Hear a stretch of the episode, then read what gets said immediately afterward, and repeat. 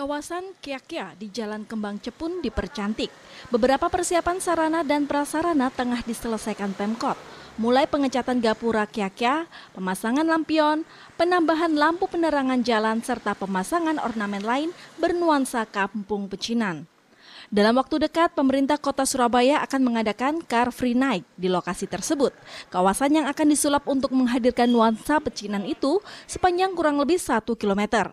Beberapa warga yang biasa bekerja di kawasan ini mengaku gembira dengan rencana Pemkot. Sebab daerah Kiakia ini merupakan kawasan niaga yang aktif pada pagi hingga sore hari.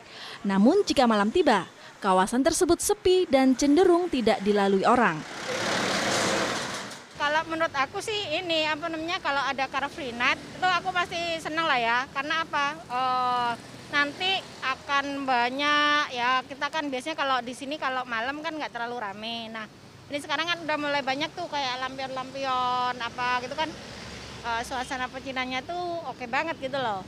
Nah nanti pasti uh, bakal rame juga nanti kan infonya kan mau banyak kulineran. Nah ini kan nanti akan makin banyak lah jadi kita sangat senang sekali dengan program Pemkot Surabaya karena terus terang ya eh, kawasan Kembang Jepun ini sebenarnya adalah salah satu kawasan heritage yang ada eh, di Surabaya sejak Surabaya ada itu adalah kawasan heritage pertama kali di adalah di kawasan Kembang Jepun ini begitu. Nah, sayang sekali kalau di sini malam hari memang agak sepi.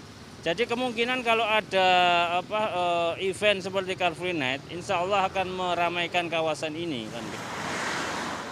Selain bisa menghidupkan kegiatan perekonomian di wilayah tersebut, Car Free Night ini diharapkan bisa menjadi ruang terbuka dan komunikasi baru bagi warga Surabaya. Selama ini, Pemkot Surabaya telah memiliki dua lokasi Car Free Day yang pelaksanaannya pada pagi hari, yaitu Taman Bungkul dan Jalan Tunjungan.